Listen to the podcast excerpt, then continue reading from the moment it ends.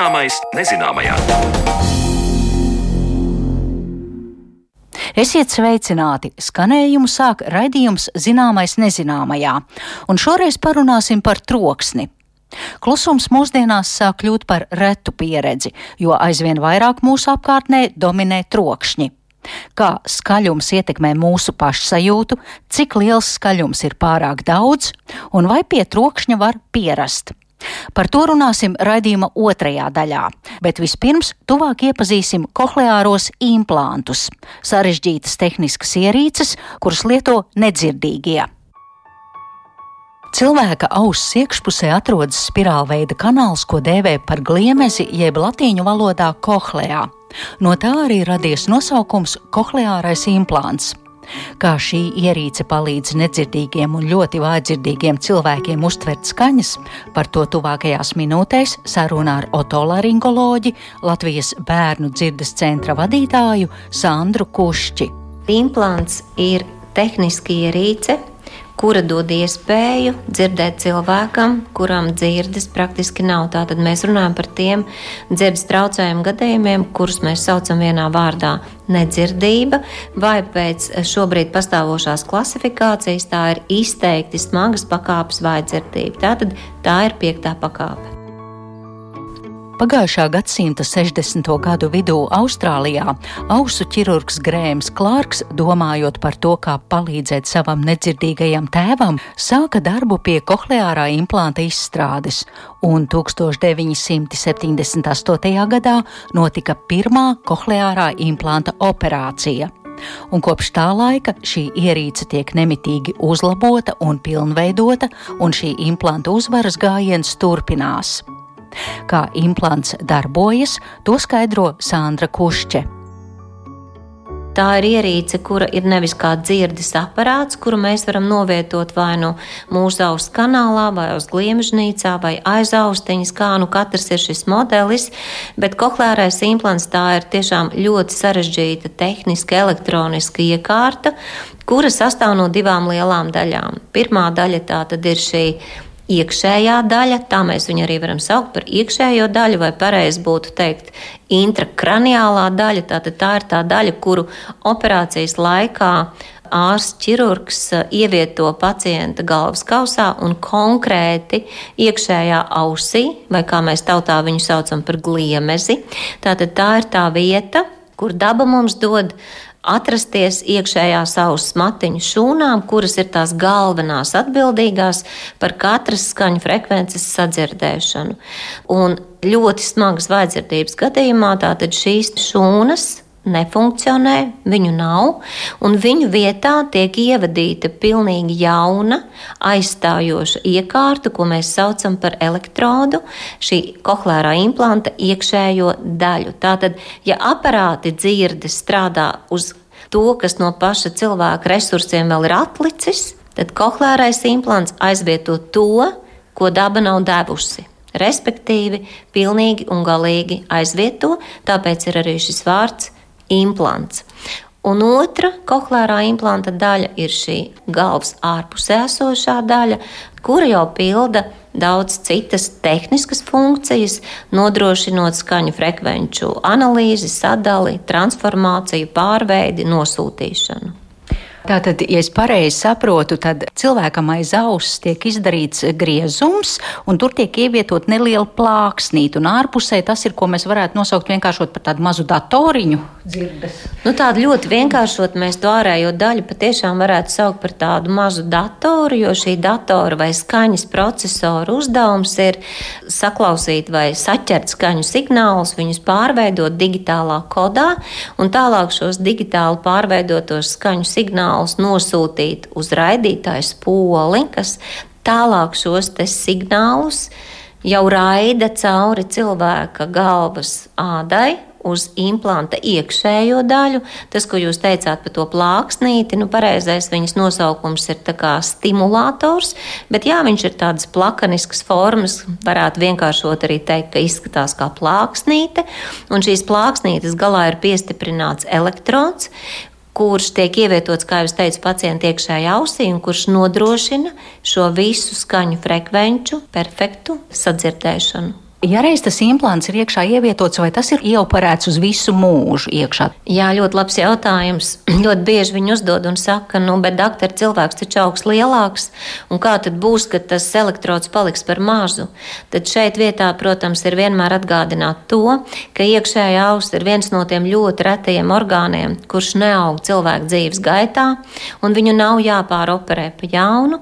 Šis elektrods, ko ioperē cilvēka galvas kausā, ja iekšējā ausī precīzi, precīzāk, kalpo visu cilvēka dzīvi, jo iekšējā auss 20. grūtniecības nedēļā embrijam ir tieši tikpat liela kā lielam pieaugušam cilvēkam.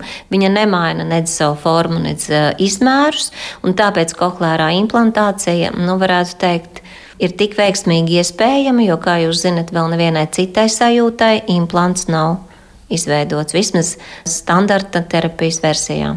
Vieni no biežākajiem kohleāro implantu lietotājiem ir bērni, kuriem jau piedzimstot vai ļoti agrīnā vecumā ir konstatēta smaga vājdzirdība vai nedzirdība. Zinot, ka dzirde ir saistīta ar runu, ir gadījumi, kad šī jaunā skaņu pasaule uzreiz nenozīmē, ka bērns sāks arī labi runāt. Tas ir atkarīgs no katra pacienta uztveres un var prasīt ilgu un pacietīgu darbu gan no bērna, gan no vecākiem, lai kohleārā implanta lietotājs ne tikai uztvertu skaņas, bet spētu arī tās sekmīgi pielietot. Kā teica Sandra Kušķe, mums Latvijā ir vairāki, kā viņa tos dēvē, zvaigžņu bērni, kuri piedzimuši vai agrā bērnībā kļuvuši nedzirdīgi, līdz ar to arī nerunīgi, bet ar implanta palīdzību viņi pārvalda vairākas svešvalodas, spēlē mūzikas instrumentus, dzied koros, dejo. YouTube vietnē var atrast vairākus video, kas 2020. gadā tapa sociālā projekta Sadzirdi mani ietvaros par bērniem ar kohleārajiem implantiem. Lūk, neliels fragments. Ogrēniete, toreiz 11 gadus vecā Gerda, stāsta par savu ikdienu ar implantu, ko viņa dēvē par austiņu. Es gribu, lai cilvēks zina, kas tas ir. Ikdienā man austiņa tā netraucē un uh, viņi man ļoti nodara. Kad es kaut ko nevēlos dzirdēt, es noņemu austu un es pilnīgi neko nedzirdu. Un, uh, man patīk, uh, kad var neko nedzirdēt, kad varētu slēpināties no skaļās pasaules. Es ar savu austiņu neatšķiros no citiem. Es varu darīt pilnīgi visu, ko citi var darīt. Es varu arī peldēties, es arī varu dziedāt, skriet, sarunāties, iet parastā skolā. Es spēlēju arī ģitāru. Man, kad es spēlēju ģitāru vai klausos mūziku, tad man austiņa netraucē. Tas bija fragments no Gerdas stāsta, un tāpēc jautāja dzirdes speciālistei Sandrai Kušķei par to, kā kohleārais implants ietekmē mūzikas klausīšanos, sarunas pa telefonu un vienlaikus vairāku skaņu uztveri. Jaunākās kohlāro implantu tehnoloģijas paredz, ka mēs dzīvojam šādā digitālā laikmetā, kad visiem ir šie, kā mēs saucam viņus par gadgetiem žargonā. Un tāpēc šobrīd, piemēram, bērns, kuram ir kohlērais implants, viņš viņu lieto, viņš var saslēgties ar Bluetooth vai zilā zoba palīdzību ar šo tehnoloģisko iekārtu. Un tad, kad viņam zvana telefons, tad viņš gluži vienkārši savā implantā dzird šo telefonu sarunu un brīvi komunicē telefoniski. Ja viņš grib dzirdēt datorā mūziku, kura viņam tur ļoti patīk, vai kur viņš grib klausīties, viņš atkal saslēdzas ar šo datoru un atkal klausās to pašu. Tā kā, ko es gribu teikt, tehnoloģijas ir tik ļoti pielāgojušās šī brīža prasībām, un absolūti tas pats, kas viss ir iespējams cilvēkam ar labu dzirdi, ar tehnoloģijas palīdzību ir iespējams arī ar implantu. Vai es pareizi saprotu, vai tur ir kāda podziņa, ko pats bērns var pārslēgt? Jā, tur ir poga, tātad visi šie jaunākie implanti ir saregulējami un regulējas jau ar mobilā telefona palīdzību. Un ir speciāli tātad jānospiež tātad, nu, ja tā var teikt, pogu, lai būtu šī zilā zoba saslēgšanās.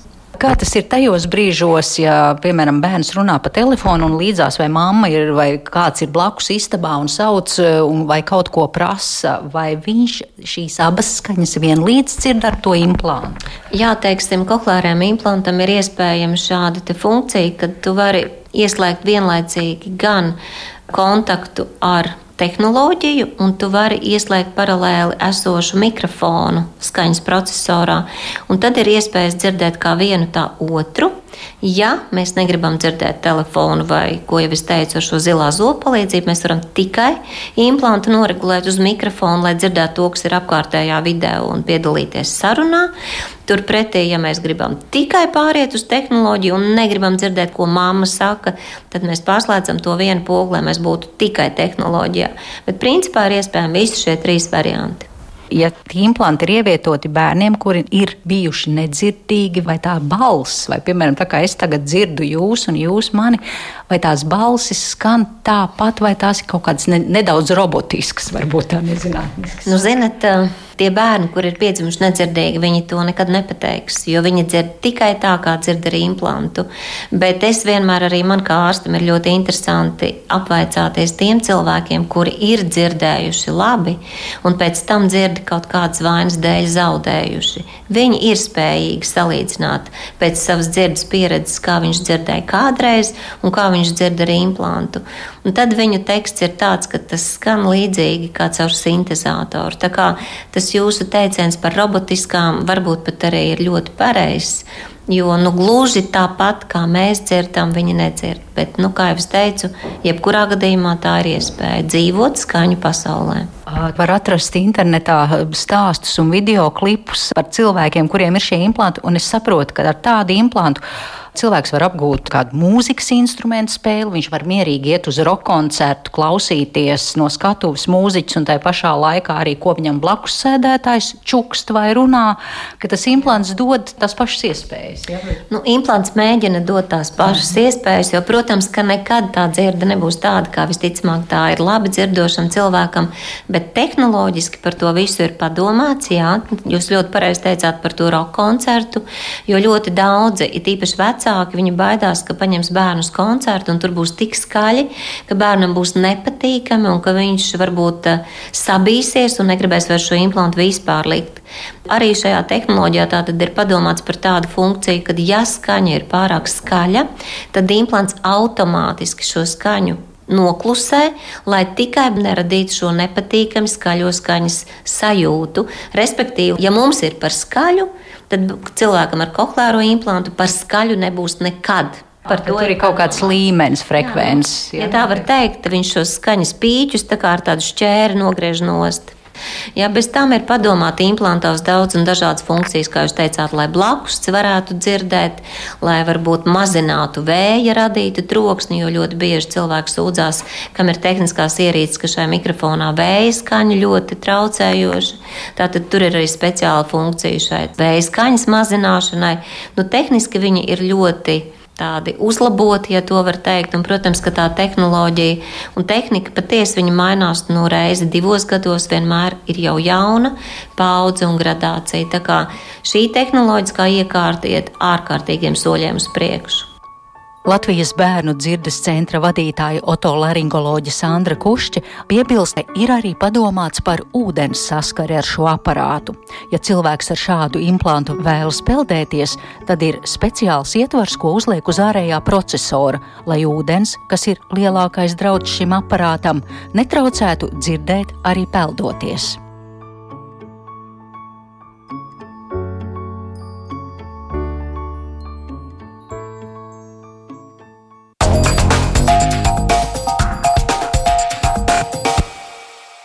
Tālu par kohleārajiem implantiem, bet turpinājumā iepazīsim to, kā mūsu ausis un mēs paši jūtamies šajā trokšņu laikmetā.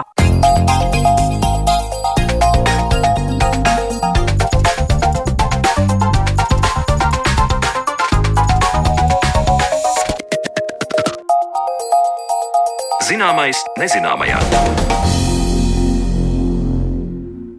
Troksnis uz ielas, troksnis darba vietā, skaļa mūzika austiņās un pat šķietami nejūtami vienmērīgi fona trokšņi, ko visapkārt rada tehniskas ierīces un ventilācijas sistēmas. Gadsimts, kurā dzīvojam, ir skaļš, jo īpaši pilsētās. Klusums sāk kļūt par luksusa preci, kas pamazām sāk izzust. Kā tas ietekmē mūsu dzirdes aparātu, vai mūsu ausis var pierast pie trokšņainās pasaules, un kā šis troksnis ietekmē mūsu organisma kopējo stāvokli. Par to tad šodienas saruna attālinātā studijā ar Rīgas Stradiņa Universitātes otorino laringoloģijas katedras vadītāju ārsti otorino laringoloģi Guntu Sumeragu. Labdien, Gunta! Labdien! Jā, vai mēs varam šobrīd tā teikt, ka pasaule patiešām ir kļuvusi skaļāka? Jo tad, kad mēs runājam par klimatu, par piesārņojumu, mēs vienmēr atsaucamies uz 19. gadsimtu, uz industrializāciju, ka šobrīd tiešām gaiss ir kļuvis piesārņotāks. Vai mēs tāpat varam teikt arī par skaļumu, ka pasaule ir skaļāka kļuvusi par tik un tik decibeliem? Vai ārsti arī tā izsakās? Jā, protams, ir šobrīd ir šis jēdziens trokšņa piesārņojums, un, un, un tas ir noteikti būtisks.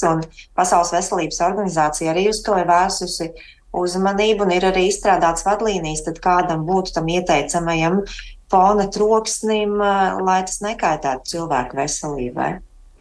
Un kāds ir tas noteiktais limits, tas vēlamais, un cik mēs varbūt esam šobrīd atkāpušies no tā?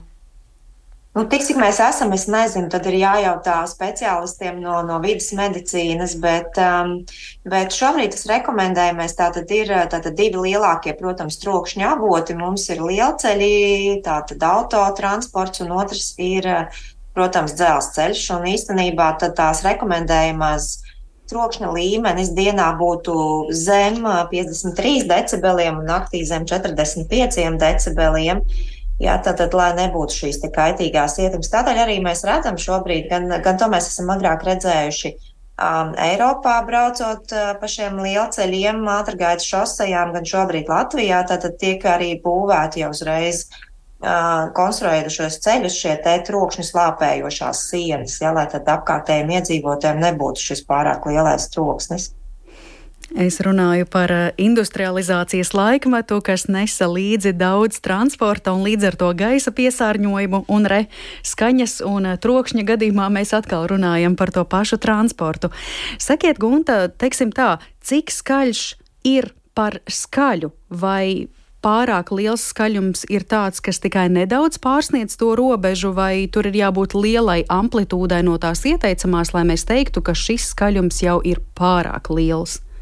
Mhm. Tātad, kā, jebko, kā jebkurai kaitīgai vielai, mums ir viens ir eh, svarīgs, eh, protams, vienas reizes deva, ja, tad, tad cik šis ir vienreizējs, īslaicīgs uh, skaļums, vai arī tas ir ilgstošs, nepārtraukts skaļums, kas arī ir, ir, tātad, ir kaitīgs. Tātad vajadzētu būt, ka, nu, jebkurā gadījumā šīs rekomendācijas ir zem 80 decibeliem.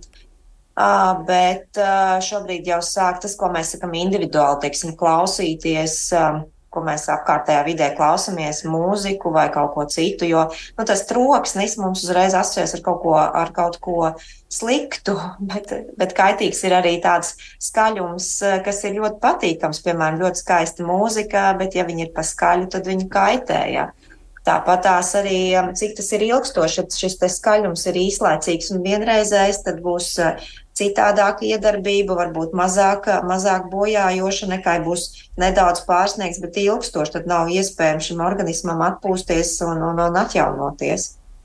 Bet kopumā šīs rekomendācijas individuālo teiksim, skaļuma līmenim būtu zem 80 decibeliem. Tieši par šo vienreizējo un pastāvīgo troksni es arī vēl gribētu pajautāt, piemēram, vai pietiek ar vienu gadījumu, kad kāds tev iekliedz spēcīgi ausīs, vai tu saņem skaņas triecienu, piemēram, es tagad pilnā balsī, ja iekliektu jums kaut ko mikrofonā, vai jūs ieslēgtu mūziku, radioaparātu un saņemtu tiešām tādu triecienu milzīgu. Ar to pietiek, lai tas uzreiz sāktu bojāt dzirdi, vai tomēr tomēr stāsts ir par to, ka mēs ilgstoši, pastāvīgi, ilgtermiņā atrodamies troksnī, un tad tas sāk bojāt mūsu dzirdes aparātu. Nu, kā jau es teicu, gan, gan tas var būt arī vienreizējs ļoti skaļš troksnis, kas, kas bojā, bet izdara ātri savu darbu, gan arī šis ilgstošais. Tātad tur noteikti Noteikti abi, abi varianti ir slikti. Atkal, cik tieši būs vajadzīgs un vai katram un tāds, tas, protams, vienmēr ir šis individuālais jutīgums, jā, cik, cik kurš ir individuāli jutīgs uz to visu.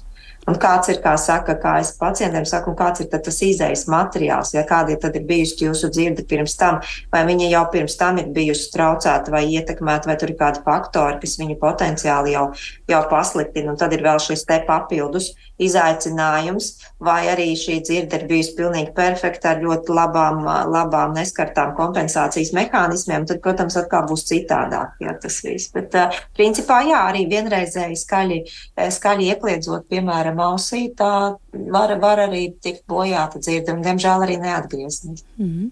Bet pie skaļuma var arī pierast. Mēs varam pierast, nu kā, ko nozīmē pierast? Tā pierašana ir smadzeņu, smadzeņu darbība. Ja?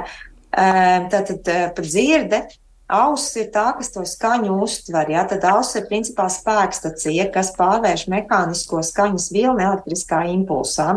Un ausī, tātad, ja šis mehāniskais impulss būs pārāk spēcīgs, piemēram, tad šīs te mehānika tiks bojāta, šīs augšējās, iekšējās auss mehānisms tiks bojāts, tad šīs matiņšūnas tiks bojāts, viņas vairs nespēs veikt savu darbu, tātad pārveikt šos impulsus. Savukārt patīk, nepatīk, visu pārējo dara smadzenes. Tāpat tās kā ar pierašanu, mēs jau pie vis kaut kā pierodam. Tāpat tās kā cilvēki pierod, piemēram, pie nepatīkamām smakām vai, vai kaut ko tam līdzīgu, mēs varam to atbīdīt šo sajūtu kaut kur savā fonā, savā tādā nostūrītī, un tas mums it kā vairāk neuztrauc, bet tas nekādā ziņā nenozīmē, ka nenotiek šī skaitīgā ietekme, ka pārāk liela ietekme šīs skaņas uz iekšējās auss matiņšūnām. Jūs jau pirmīt minējāt ārējos faktorus, kas izsauc skaņas piesārņojumu, autotransports, dzelzceļš. Kā mēs paši, kā cilvēki, radām skaņas piesārņojumu, jo es uzreiz iedomājos par mūsu pagarināto roku, ja vietāluņiem, visām notifikācijām, saucamajām telefonā, ka tev nāk čatos, visādi paziņojumi, vibrē telefons. To arī var raksturot kā skaņas troksni. Nu, cik skaļi ir uzlikti šie, šie, šie toņi, cik skaļi ir paziņojumi un viss pārējais. Um, atkal Eiropas Savienībā ir ļoti labi, jo Eiropas Savienībā nemaz mēs nevaram iegādāties nekādas viedierīces, kurā mēs varētu uzgriezt pārāk skaļu šo mūziku vai kādas citas skaņas, nesaņemot par to brīdinājumu. Tātad, ja mēs mēģināsim telefonā vai kādā citā ierīcē uzgriezt šo te skaļumu virs 80 decibeliem, tad uzreiz mēs saņemsim brīdinājumu, ka tas varētu kaitēt mūsu dzirdē, un lūdzu apdomājam vēlreiz, vai mēs to gribam darīt. Atkal šī ierīce ļauj to uh, tālāk pastiprināt, bet vienmēr šis brīdinājums būs, tā kā tajā vajadzētu, vajadzētu ieklausīties. Par citiem trokšņiem, nu, tāpat tās vidas, dažādas mēs vidas taisam trokšņus arī tajā pašās, teiksim, dažādos iestādēs, kafejnīcās, reizēm nevar sarunāties, jo fonā tas tā mūzika ir tik ļoti skaļa, kino teātros reizēm, lai būtu šie te skaņas efekti, jā, arī tie ir par skaļu. Tas, tas, tas, protams, tādā veidā, bet arī, piemēram, tā pati skola ir atsākusies, un uh, man bija uh, studenti, kuri veic pētījumus, uh, cik tad skaļš ir vairāk, tas bija fokusēts uz, uz skolotāju balsi, cik kāpēc skolotājiem ir balss problēmas, ne tikai tas, ka viņi lieto balsi, bet tas, ka viņiem reizēm ir jāpārkliedz šis te fona troksnis. Fona troksnis klasēs īstenībā ir daudz, daudz virs šiem 50 decibeliem, kas ir blakus dzelzceļam, piemēram. Mm. Jā, un kad jūs minat kinoteātrī, es iedomājos visi šie Dolby digital, jā, īpašie kinoteātri, bet tiešām reizēm, kad tu sāc skatīties filmu, tāds dobīšs troksnis pirms tam ir. Nu, gribētos ticēt, ka tas atbilst standartiem, bet reizēm ir arī šaubas, vai tas jau arī nav par skaļu. Nu, tur ir tad, tad jautājums šiem iestādēm jāskatās, cik viņas, cik viņas to teiksim, regulē un, un skatās tam līdzi. Mm -hmm. Ja cilvēkam nav nekādas izteiktas dzirdes patoloģijas, tad neskatoties uz visu to, tāpat mūsu organisms novecojas un kādā brīdī dzirdes traucējumi parādās teiksim, tā normāli, fizioloģiski, par kādu vecumu mēs runājam, kad sāk izpausties kādas, kādi dzirdes traucējumi? Um, nu, principā tā, ka mums redz un dzird, mums sāk novecot, kā mēs piedzimstam, tā mēs ļoti lietojam redzi un dzird, un, un tādā ziņā viņi nolietojās jau kopš, jau kopš paša sākuma, bet tā, lai mēs varētu runāt par vecuma vājdzirdību vai presbija kūzi, tad mēs to tomēr liekam, kad ir vismaz 60 gadi un vairāk, bet arī Tas nav atkarīgs no vecuma, tas ir no specifiskām šīm dzirdes traucējumiem un no audiometrijas. Tātad kādā veidā cilvēks um, sāk sliktāk dzirdēt. Jo es ļoti gribētu uzsvērt, un, un, un tiešām es ārkārtīgi cīnos pret šo stigmatizāciju, dzirdes traucējumi nav tikai veciem cilvēkiem. Dzirdes traucējumi var būt pilnīgi jebkurā, jebkurā brīdī un jebkurā vecumā, un tad lūdzu nevajag uztvert to, ka cilvēkam dzirdes traucējumi, tad viņš ārkārtīgi vai viņas cenšas to slēpt un, un darīt, jo ir šis tā, jā, nu tas ir tev no vecuma, tad tu esi vecs vai tu esi kaut kādā, tā kā lūdzu. Tā, protams, ir, jā, bet vēlreiz gribu uzsvērt, ka dzirdes traucējumi nav tikai veciem cilvēkiem. Jā, jo mums taču, ja runājam par redzes traucējumiem, tā ir pierasta lieta, ka jauniem cilvēkiem ir tuvredzība, ja ir grūtības redzēt tālumā. Nu, tas ir jebkurā vecumā, varbūt eh, vecumdienās parādās vairāk šī izteiktā tālredzība, bet ar redzes traucējumiem mēs kaut kā to pieņemam vienkārši.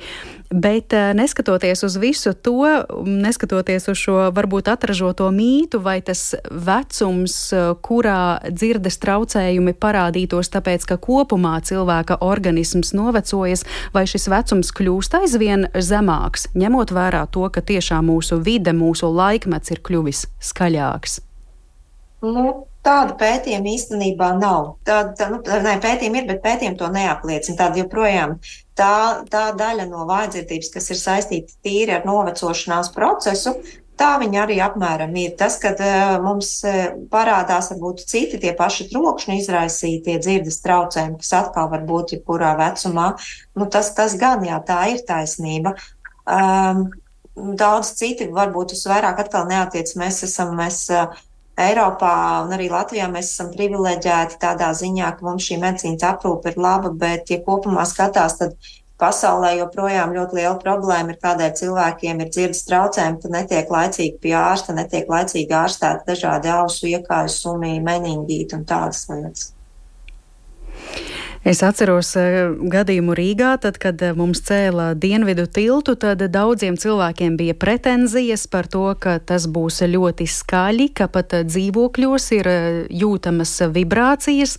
Nu, tas acīm redzot nozīmē to, ka skaļums ietekmē ne jau tikai dzirdi, bet iespējams rada arī kādas citas pārmaiņas organismā. Cik daudz par šo ir zināms? Vai, piemēram, skaļums, troksnis ietekmē arī kaut kā mūsu asinsspiedienu, kaut kādas citas izmaiņas organismā? Mhm. Jā, tieši tas jau arī tas ir šis trokšņa piesārņojums, kā es teicu, lai bojātu dzirdi. Tātad, nu, viņam būtu jābūt tuvu 80 decibeliem, bet kā jau ir rekomendējums, tātad turēt zem šiem 53 decibeliem. Tas ir tieši tādēļ, ka uh, vairāk šīs izpausmes ir nevis tieši uz dzirdi, bet uz visu ķermeni. Tātad šis fona troksnis Viņam ir tieši tā uz, uz, uz spiediens, kardiovaskulārām slimībām, uz, uz kognitīviem traucējumiem. Tad cilvēkiem grūtāk ir koncentrēties, veikt darbu, teiksim, ja darba vidē ir kaut kāds fona troksnis. Tāpat tās tāda kaut kāda aizkaitināmība, stress un, un tāds. Jo Jo, kā jau, kā jau es teicu, tātad auss tikai šo te mehānisko vilni pārvērš elektriskā impulsā, bet tad tās ir smadzenes, kam jātiek tālāk ar to galā, un kā tad smadzenes var, var koncentrēties, piemēram, darbam, ja visu laiku fonā kaut kas tur skan, un tad viņām visu laiku ir jādara šis darbs, tātad izvērtēt, kas tur skan, kāpēc skan, tas ir svarīgi, nē, tā, tas nav svarīgi, ja, tad visu laiku ir kaut kāds, nu, nav tāda, tāda īsta atpūta, un tad veidojās šie te tāds paaugstinās stresa līmenis, tāds grūtāk koncentrēties, nu, tas tās visas izpausmes, protams, ir plus arī ja mēs runājam par dzīvokļiem un mājām, tas ir naktsmiegs, protams, ka tas arī tiek ietekmēts. Pirms mūsu sarunas mazliet arī pastudējot, varbūt kas eh, citur pasaulē no tādiem pētījumiem parādās, tad, m, mm, piemēram, viens gadījums, ko izdevās atrast, viena informācija ir tāda, ka pētījumi liecina, ja troksnis nemitējas, tātad vairākas dienas, mēnešus, gadus, tad trokšņa iedarbība pat palielinot paaugstināta asinsspiediena, koronāro sirds slimību un sirdslēkmju biežumu, kā arī pat insultu, diabētu, demences un depresijas risku. Nu, tad mēs aizējām jau ļoti, ļoti plašos tādos apvāršņos, ka no viena trokšņa tas ietekmē tik plašas orgānu sistēmas. Un uh, Minhenē, piemēram, 18 mēnešus pēc tam, kad Minhenē tika atvērta jauna lidosta, uh, kaimiņu bērnu asinsspiediens un stresa hormonu līmenis ir strauji pieaudzis un bijušas arī uzvedības un uh, kognitīvas izmaiņas. Nu, un tad vēl viens stāsts, tas jau gan ir krietni senāks. 1975. gada pētījums ir atklājis, ka sastās klases skolēniem, kuru klases telpa ir atradusies ļoti tuvu skaļam metro sliežu ceļam, viņiem pat lasīšanas rādītāji ir gandrīz par gadu atpalikuši no tiem skolēniem, kuri ir mācījušies klusākās klasēs. Tāda izteikta atšķirība, un tad tas ir pazudis, kad skaļākā klasē tika uzstādīti skaņas izolācijas materiāli. Tā kā, jā, dažādi pētījumi to apliecina, tad sanāk tā, viena skaņa tiešām atsaucas, varētu teikt, uz visām orgānu sistēmām. Mēs nepārspīlētu, ja tā teiktu. Tā varētu būt. Tas ir tas fona kairinātājs. Tas tā kā jūs mēģināt mācīties lasīt, un kāds jums visu laiku baksta mugurā.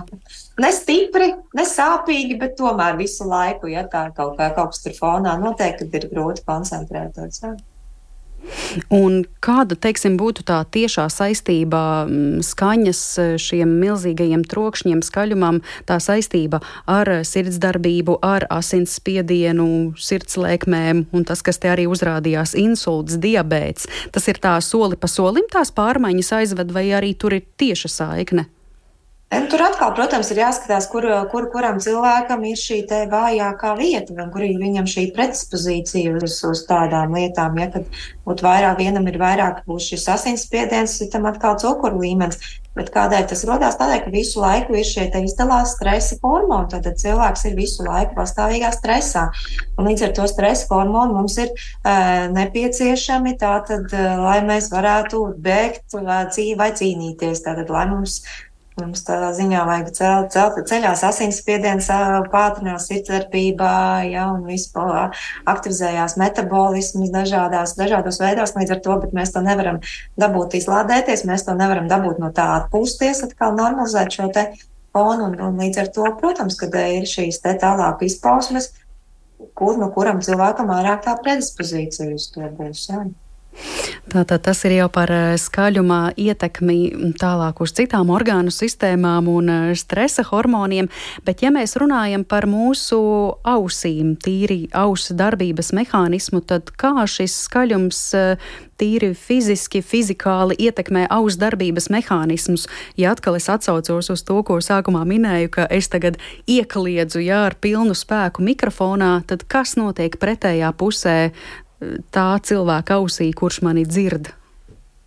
Mhm. Tātad, nu, tad ir ļoti stiprs, ļoti atceramies skolā fizikā, tātad skaņa ir vilnis, ja, tātad ļoti ar ļoti lielu spiedienu šis vilnis aiziet tālāk līdz, līdz iekšējai ausī, iekšējā ausī, lai mēs tālāk dzirdētu, iekšējā ausī ir šķidrums, tātad perilimpa un endolimpa, un mūsu matiņšūnas, tātad tā galvenā šūniņa, kas rada šo elektrisko impulsu, tātad ir ar tādu matiņu, un kurš no šī te viļņa svārstības noliecās. Tad līdz ar to, ja mums ir normāli jābūt tādai vieglai viļņošanai, kā, kā mierīgā upē, un tad mums pēkšņi ir tsunami, tad, protams, ka tiek tīri mehāniski bojāta šī te matiņšūna. Tā, tā, tāpat arī pierādījumi rāda, ka tur var tikt bojāt, teiksim, atrauties sinapses, tātad viņi tālāk nevar pārvadīt šo impulsu un tā tā viens mehānisks bojājums.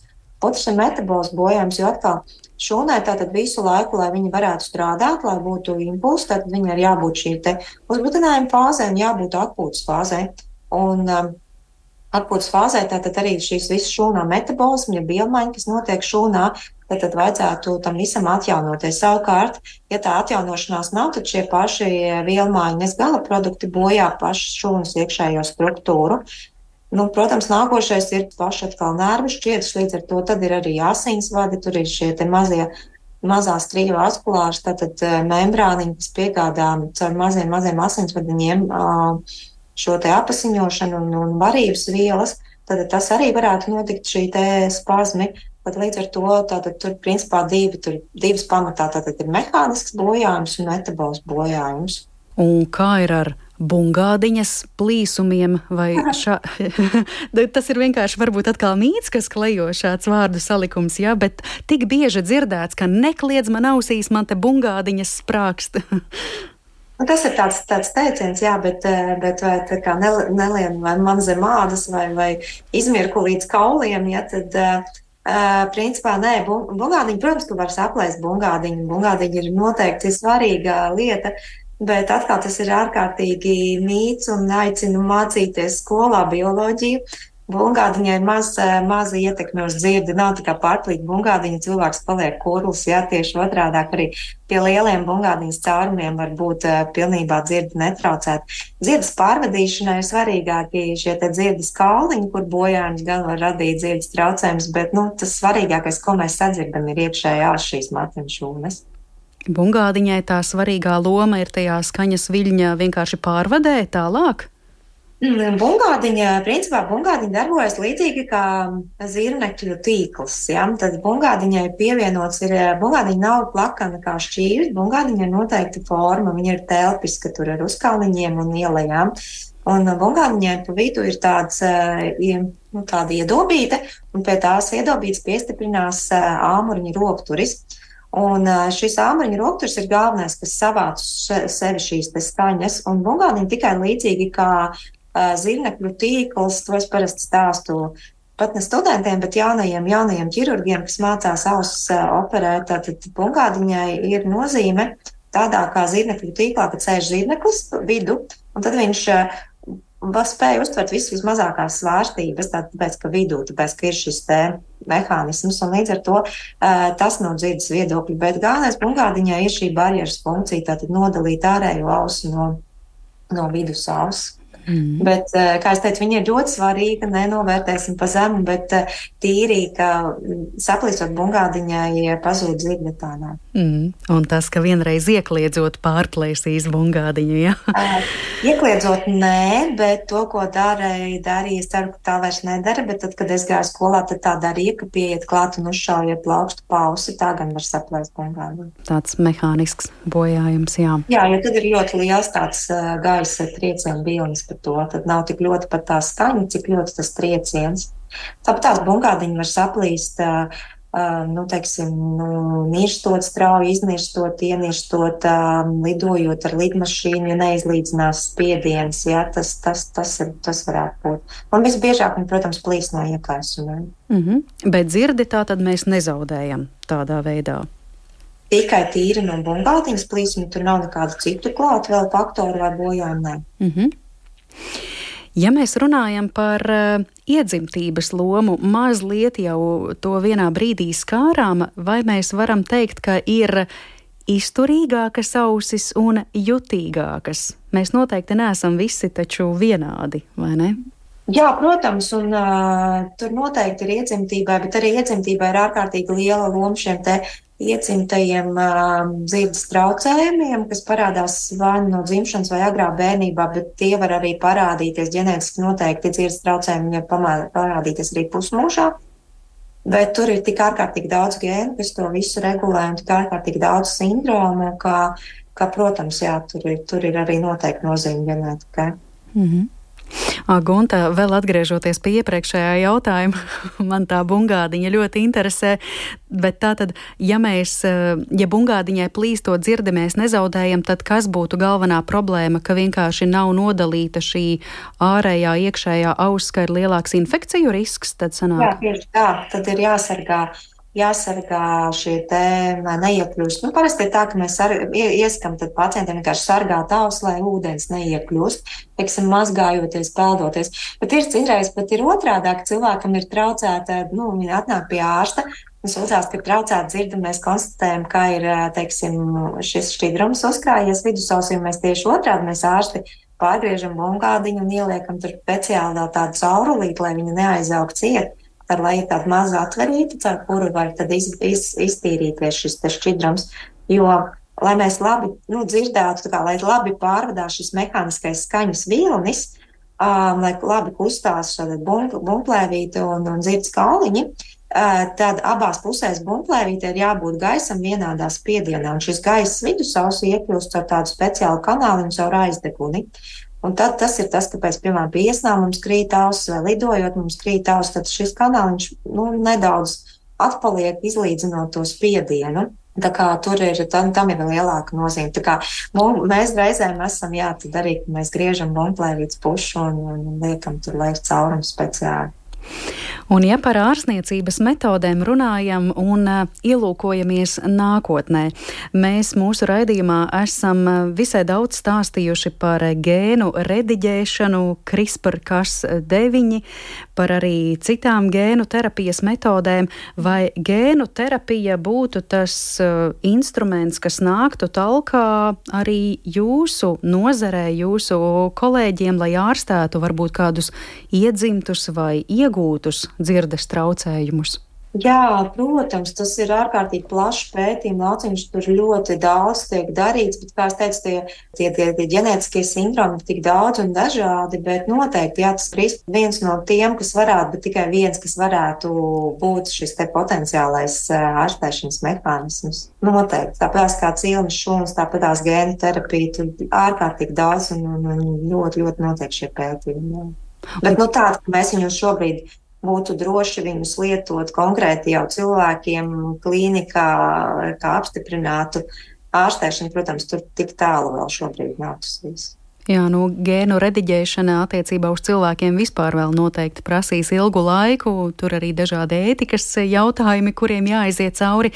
Bet eh, kas ir tas reālākais, kas būtu dzirdes traucējumu ārstēšanas gadījumā, uz, uz ko sliecaties vairāk, ka tur ir kāda gēnu supresija vai gēnu rediģēšana?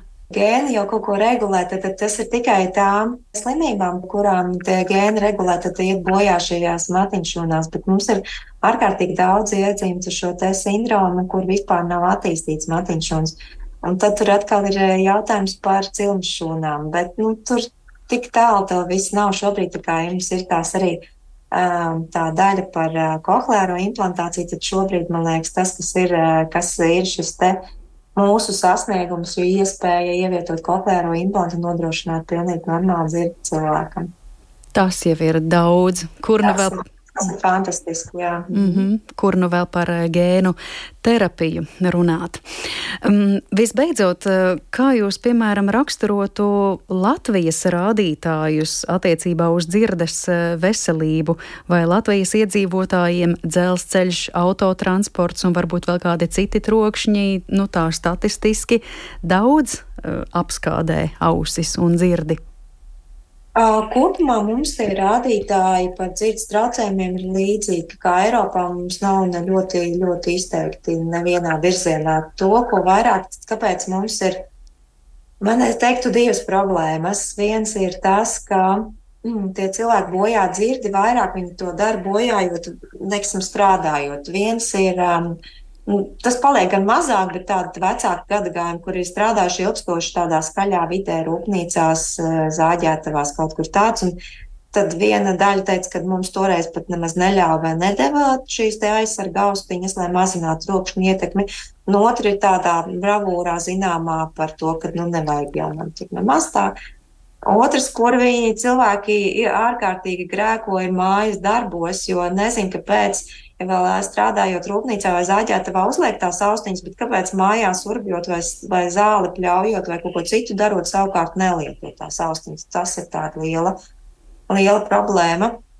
Un otra lielā problēma, kā es jau atkal atkārtošos, ir šī stigmatizācija ārkārtīgā, jo man reizēm ir grūti pierunāt cilvēku, ka ir jālieto šis dzirdes aparāts, ka tur nav citu variantu, ka ir jālieto dzirdes aparāts, un tad cilvēks sēž un raud. Un, un galvenais arguments, es taču neesmu tik vecs, kāpēc jūs liekat man dzirdes aparātu lietot. Jā, un atkal nu, tas nav no vecuma atkarīgs. Un, Un cilvēki lūdzu neapzodziet paši sevi. Tas ir tik burvīgi, tas, ko mēs varam sadzirdēt, un tā skaņu pasaule. Tā kā ļoti, ļoti aicinātu kāds Pirmkārt, tie, kas, tie, kuriem šobrīd nelieto dzirdes aparātus, lūdzu, neapceliet, nestigmatizējiet tos, kuriem būtu jālieto. Un varbūt, ja jums ir kāds tuvinieks, tad tieši otrādi atbalstiet viņu, iedrošiniet, nesāt. Un tiem, kuriem ir vajadzīgi kuriem ārsts ir eh, izrakstījis šo aparātu, tad, nu, lūdzu, tā, tā nav vecuma pazīme. Ne, neizolējot sevi no skaņu pasaules. Mm. Nu jā, droši vien tam līdzi nāk kādi citi mīti, ka tas būs nērti, man tur kaut kas jāliek ausī, kritīs nost, vai tas netraucēs citām ikdienas darbībām. Nu, un tad sākas kāds vēl to pamanīs, padomās vēl ne to. Tā, nu, parasti argumenti ir tāds, es atceros, man vecmāmiņai bija, viņai tieši tā, kā, kā jūs sakat, viņai tur krita nost un pīkstē un tāds, un tad es parasti jautāju, jums televizors arī tāds pats, kā jūsu vecmāmiņai toreiz bija? Nu, tā kā tehnoloģijas, kādas bija pirms 20 gadiem, viņas jau ārkārtīgi iet uz priekšu, un, un kur nu vēl tādās, tādās lietās, kā piemēram dzirdes aparāti, kur ir ārkārtīgi daudz inovācijas un viss pārējais. Mm. Un sakiet, kā ar jauniešiem, jauniešu paradumu klausīties eh, skaļu mūziku austiņās, kāda mums tur izskatās aina? Uh, protams, ka tā viņi dara, bet es gribētu teikt, ka viņi dara tā arvien mazāk. Un jaunieši ieklausās, un tur nav. Tur tā, tā, es, tā kā vienā brīdī bija tāda tendence, bija arī daudz studentu pētīja paši paši sevi un savus, eh, savus eh, kursa biedrus eh, par šo paradumiem un klausīties. Un atsevišķi pētījumi mēs varam izlasīt, ka tāda tendence ir, ka tad vairāk ir šie agrīnāki tie trokšņi izraisītie traucējumi, bet pēdējos gadus es tā neesmu redzējusi, ka viņi nāktu, ka tieši tur būtu tā lielākā problēma. Mm. Jaunieši arī, starp citu, ir daudz atvērtāki uz to pašu dzirdes aparātu lietošanu. Piemēram, doktora Kušķa bērnu dzirdes centra vadītāja, viņa saka, viņiem vispār nav tādas problēmas. Tur bērni un jaunieši ar prieku izvēlas un piemeklē, kādas krāsas būs un kāds dizains un kādas pērlītes un kādas vēl kaut kas. Mums ir trakākais ar tiem cilvēkiem, nezinu, 30 līdz 40 gadīgiem līdz 50 ja, kuriem, kuriem ir citu iemeslu dēļ, nevis vecuma vājdzirdība, bet ir jālieto aparāti. Tur, ir, tur joprojām ļoti daudz ir aizspriedumi. Mm -hmm. Noslēdzot mūsu sarunu, tad uh, jums ir arī kādi varbūt top 3 vai kādi ieteikumi, kā šajā skaļajā gadsimtā, kurš tiešām ir kļuvis uh, skaļāks par sevi, primāri parūpēties. Mēs visu ietekmēt nevarēsim, bet kas ir tas, ko mēs varam? Nu, tas noteikti ir pirmām kārtām atpūsties klusumā. Tad, uh, novērtēt uh, klusumu, tad uh, noteikti vismaz guļot. Nu, ir cilvēki, kuriem varbūt grūti ir iemigt, uh, tādēļ viņiem ir fonā tur televizors vai, vai, vai, vai radio vai kaut kas cits. Bet tad vismaz uzliekat šos te pulksteni, ka tas izslēdzās, piemēram, pēc pusstundas un ļaujat sev to, to luksusu gulēt klusumā. Noteikti arī pēc darba atnākot mājās, atpūšoties vismaz nedaudz klusumā. Un ir otrs, tas, ko ir, otrs atkal ir ieteikums izbaudiet to skaņu. Tas ir fantastiski. Aiziet uz labu koncertu, aiziet paklausīties, uzliekat labu mūziku un izbaudat to, ko jūs varat sajust ar dzirdi. Tas ir galvenais. Jā, un galu galā klusums taču arī ir skaņa, vai ne? Jā, absolūti. Klusums ir iespējams tikai vakumā, un mums visu laiku ir šis te fons. Gunta, liels jums paldies gan par anatomijas un fizioloģijas stundu, gan arī par tādiem praktiskiem padomiem, kā sevi pasargāt, mācīties bioloģiju un vienlaikus laust mītus par to, ka kaut kas varētu būt estētiski netik skaists, ja mēs runājam par šiem dzirdes aparātiem, bet patiesībā tas palīdz veselībai. Jā. Liels paldies jums par šo sarunu, un es atgādināšu, ka attālināti tikāmies ar Rīgas Stradiņa Universitātes otorino laringoloģijas katedras vadītāju, ārsti otorino laringoloģi Guntu Sumeragu. Paldies jums liels! Un ar to mūsu raidījums šodien izskan. Par to gādāja Paula Gulbīnska, Girts Bišs, Guntars Plūcis un pie mikrofona bija Mariona Baltkalne. Uz tikšanos jau pavisam drīz citu dienu. Visu labu!